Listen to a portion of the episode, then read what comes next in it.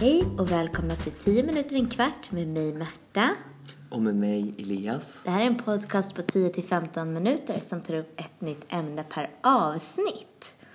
Och vad ska vi prata om idag Elias? Jo, idag ska vi faktiskt prata om vad som händer den 24 oktober. För det är nämligen en ganska speciell dag.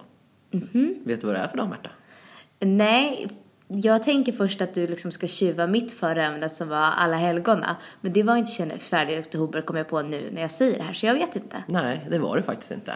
Den 20 oktober är faktiskt FN-dagen. 24 va? 24 oktober, ja. Vad sa jag för något då? 20. 20, nej. 24 oktober ska det vara. Och då firar vi FN-dagen. Men vad är egentligen FN-dagen då? Vet du det? Nej, alltså jag har ju ett litet hum, men du får gärna berätta. Ja, det ska jag göra. Alltså den 24 oktober är som sagt FN-dagen. Och då hyllar vi att FN skapades.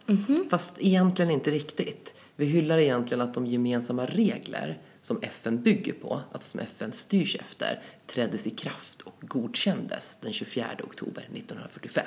Okej. FN bildades lite, lite innan det. Men sen var alla länder som var med i FN tvungna att godkänna de här reglerna. Och det gjorde man så att det blev klart den 24 oktober. Okej. Annars kan man tänka så här 24 oktober, 24 december, att det är något speciellt med det här 24-datumet. Nej, det var bara en slump att det var då allting, alltså pappersarbetet var klart. helt. Okej. Men nu har du sagt FN massa gånger. Vad, vadå FN? Ja, det var en jättebra fråga. Vi måste ju faktiskt veta vad FN är innan vi vet vad FN-dagen är för någonting. Ja. Och FN, det står för Förenta Nationerna. På engelska säger man UN, alltså United Nations.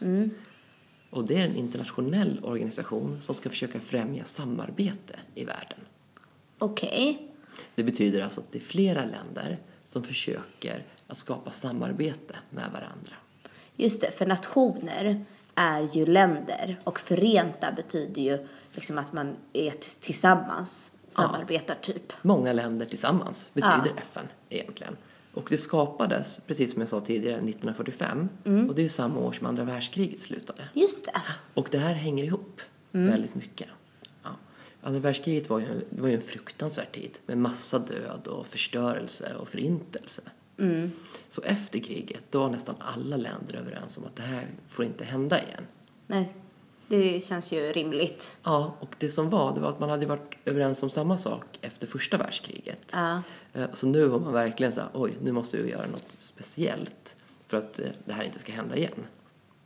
Och då tänkte man så här, kan vi inte skapa en organisation som kan liksom upprätthålla och skapa fred och frihet på jorden?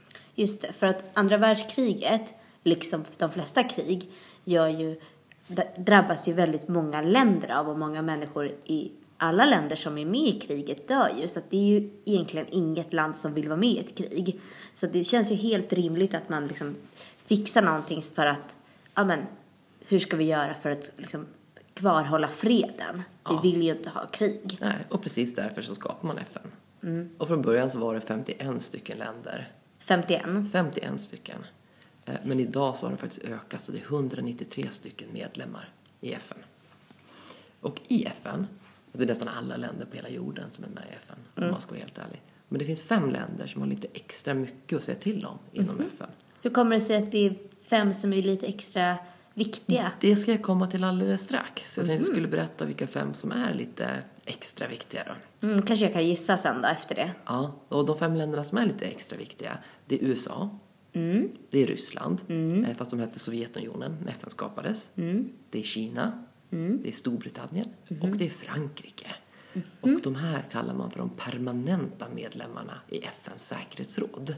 Och det är just det här säkerhetsrådet som har till ansvar att upprätthålla fred och säkerhet i världen. Okej, men varför var det just de här fem länderna? Om jag ska få försöka fundera över det. Först tänkte jag att det är liksom USA, Ryssland, Kina. Det är ju tre väldigt stora, rent geografiskt stora länder. Ja, det stämmer. Ja, men Frankrike och Storbritannien är ju relativt stora men inte jätte, jättestora. Det går ju inte att jämföra med de andra tre. Nej. Eh, Men eftersom att det skapades efter andra världskriget så tänker jag att det har att göra med länder som var aktiva i andra världskriget. Ja, det stämmer. Och just de här fem länderna, Ja. de brukar ju räknas som segrarna i andra världskriget. Just det. Och därför var det extra viktigt att få med dem i den här nya organisationen FN. Och då gav man dem en lite speciell status. Just det. Och i det här säkerhetsrådet så finns det förutom de här fem länderna tio andra medlemsländer. Och de byter man ut med jämna mellanrum efter några år. Du sa ju att det var jättemånga länder som var med. Ja, men i själva säkerhetsrådet så har man till uppgift, alltså det är de, säkerhetsrådet är det som bestämmer över freden och säkerheten på jorden. Okej, så typ ledningen FN. Ledningen i FN kan man säga, det består av 15 länder, varav fem länder alltid är med och 10 länder byts ut med jämna mellanrum. Okej. Så det är lite speciellt. Och för att man ska kunna bestämma någonting i det här säkerhetsrådet, i den här ledningen, så måste nio länder alltid rösta för beslutet.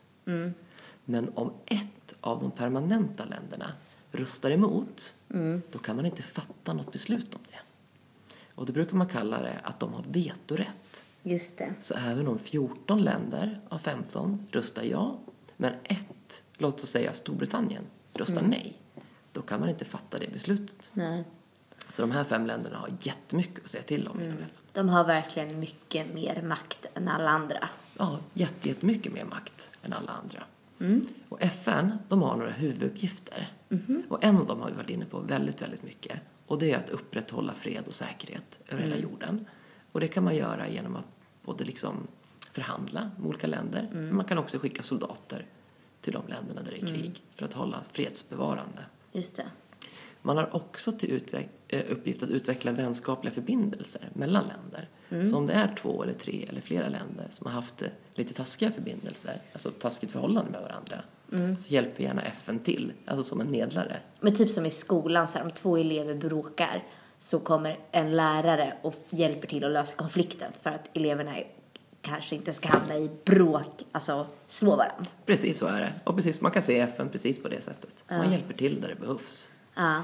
Och sen försöker man också eh, att åstadkomma samverkan för att utveckla och förbättra de mänskliga rättigheterna. Oj, det var en svår mening. Ja, det var jättesvårt. Men man försöker egentligen jobba för att de mänskliga rättigheterna ska respekteras och förbättras över hela jorden. Och kan du bara nämna några mänskliga rättigheter? Ja, men rätt till frihet att tänka vad man vill, Ja. att vara vem man vill, att klä sig hur man vill, Okej. att vara kär i vem man vill, att skriva vad man vill. Ja. Så ifall man märker att i vissa länder så får man inte göra det, då försöker FN jobba jättehårt för att införa exempelvis att man ska få skriva vad man vill i tidningen, de länderna. eller gifta sig med vem man vill. Och sen så har man, försöker FN också vara en medelpunkt som de här alla länder på jorden ska kunna få hjälp av när man jobbar mot de här målen. Så för exempelvis då, ifall Sverige skulle säga så här, men vi skulle gärna vilja att det blev bättre förhållande mellan Sverige och Finland. Och vi vill jobba hårt för det. Då kan man höra av sig till FN och ta hjälp där. Så lovar FN att hjälpa till. Så man funkar precis lite som en, en samlingspunkt egentligen. Som man kan gå till för att få hjälp. Och FN, de har till och med en egen flagga. Vet du hur den ser ut, Märta? Nej, alltså jag tror att den är blå och vit och att den är liksom blå bakgrund och sen är det något vitt. Men du kan få förklara Ja. hur det där vita är. Ja, men det är precis rätt som du sa. Det är en blå bakgrund och sen är det ett vitt emblem, eller ett märke, som kallas för FN-märket på den här. Och emblemet utgörs av en världskarta, men med utgångspunkt från Nordpolen. Och sen är det omgiven av olivkl- eh, olivkvistar. Och de här olivkvistarna, de symboliserar fred. Just det. Så det är hela jorden i vitt på en blå bakgrund omgiven av olivkvistar som symboliserar fred. Ja, men det är nästan så att man vill tipsa ni, er som lyssnar om att gå in på internet och, och googla upp FN FN-flaggan själva för att ni kommer känna igen den. Eller Absolut. Nästan alla har sett den här flaggan. Och FN, de har sitt huvudkontor i New York. Och det är en stor skyskrapa. Eller hög skyskrapa, ska man säga. Och den kallas kort och gott för FN-skrapan. hur? Bra namn. Väldigt bra namn. Tydligt. Inte så fantasifullt kanske. Inte så fantasifullt, men väldigt tydligt. Utanför där så brukar det vara flera olika länders flaggor som är hissade. Men det syns också en väldigt känd staty där. Och det är en pistol där någon har gjort en knut på pipan. Ja, den ser jag också framför mig nu när du säger det. Och den kan man också gå in och kolla på. Och FN, det leds av en generalsekreterare. Det kan man säga är FNs president eller statsminister. Och Sverige har faktiskt haft en ganska stark ställning i FN genom åren. Det har till och med funnits en svensk generalsekreterare.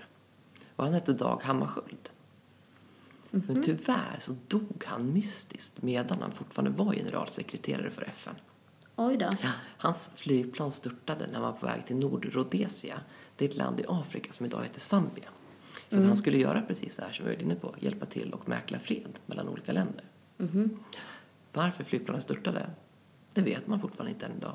Oj, det måste ju finnas jättemånga teorier. Det finns jättemånga teorier. Det kan ha varit en olycka. Eller någon som inte ville att det skulle bli fred där helt enkelt och röjde honom ur vägen. Oavsett så är det väldigt tragiskt. Och idag finns det väldigt mycket som är uppkallat efter honom i Sverige. I nästan alla städer finns det en Dag Hammarskjöldvägen. Det finns Dag Hammarskjöldbiblioteket i Uppsala. Och får man få tag i en tusenkronorskedel, då är det faktiskt hans ansikte som är på den nu för tiden. Ja. Och Sverige har faktiskt fortsatt att vara starkt representerat i FN. Fram till årsskiftet så är faktiskt Sverige med i det här säkerhetsrådet. Så Sverige är ett av de här tio länderna som byts ut. Just det. Mm. Är det något speciellt, liksom, hur blir man invald till dem? Det är en rustningsprocess där alla lä- medlemsländer i hela FN får vara med och rusta. Så man måste vara väldigt välrespekterat och väldigt uppskattat land för att få möjligheten att vara med. Men tyvärr så har ju Sverige inte vetorätt. Nej, för vet du vad det här är att man, de här fem länderna bara som fick liksom, säger de nej så är det ett nej. Säger de nej så är det nej. Och den makten har tyvärr inte Sverige. Nej. Men Sverige har dessutom haft en person som heter Jan Eliasson som har varit vice generalsekreterare, alltså näst högst uppsatt i FN, under jätte, jättemånga år. Så Sverige har en väldigt stark röst inom FN. Och det är därför vi nu den 24 oktober firar FN-dagen. Men du, då måste jag bara fråga. För att de flesta sådana här dagar, de har ju ofta en typ bakelse eller någonting som representerar dagen. Vet du om det finns någon speciell FN-bakelse? Det finns faktiskt, det här har vi varit inne på förut Marta, du gillar ju de här bakelserna. Ja. Det här har vi varit inne på. Och det finns faktiskt en FN-bakelse. Den är inte alls lika känd eller starkt representerad runt om i världen. Men i Sverige så finns det konditorier som bakar FN-bakelse. Ser de ut på något visst sätt eller har de viss Nej, ingrediens? tyvärr så finns det liksom inget enhetligt sådär. Man försöker införa en FN-bakelse. Om jag skulle liksom göra en bakelse från FN då skulle jag ta eh, ingredienser från alla de här fem vetoländerna och göra någon slags, Ja, det kan ju bli en väldigt Blandning. spännande mix. Men det kan ju bli väldigt gott. ja. Och, eh, ja, men eller hur, var det en bra idé? Det var en jättebra idé faktiskt. Ja. Det kan ni göra på hemkunskapen i skolan. Det tycker jag. Eller prova hemma. Eller prova hemma. Det var väl allt för oss idag. Och vi som har gjort den här podden heter Elias och Märta. Och ni kan hitta jättemycket material att använda innan, under och efter den här podden på vår hemsida på www.vikarielärare.se. Där går ni in på eh, Kunskapsbanken och använder lösenordet vikarielärare så kan ni ladda ner materialet. Det finns också på Facebook, där heter vi vikarielärare. Yes. Gå in och gilla oss. Och på Instagram, där heter vikarielärare. Gå in och följ oss. Vi vill också passa på att tipsa om vår nya Facebookgrupp som heter Lärarnas kunskapsbank, där det sprids jättemycket bra material. Det var allt för oss den här gången. Tack så mycket. Tack för att ni har lyssnat. Hej, hej. Hej.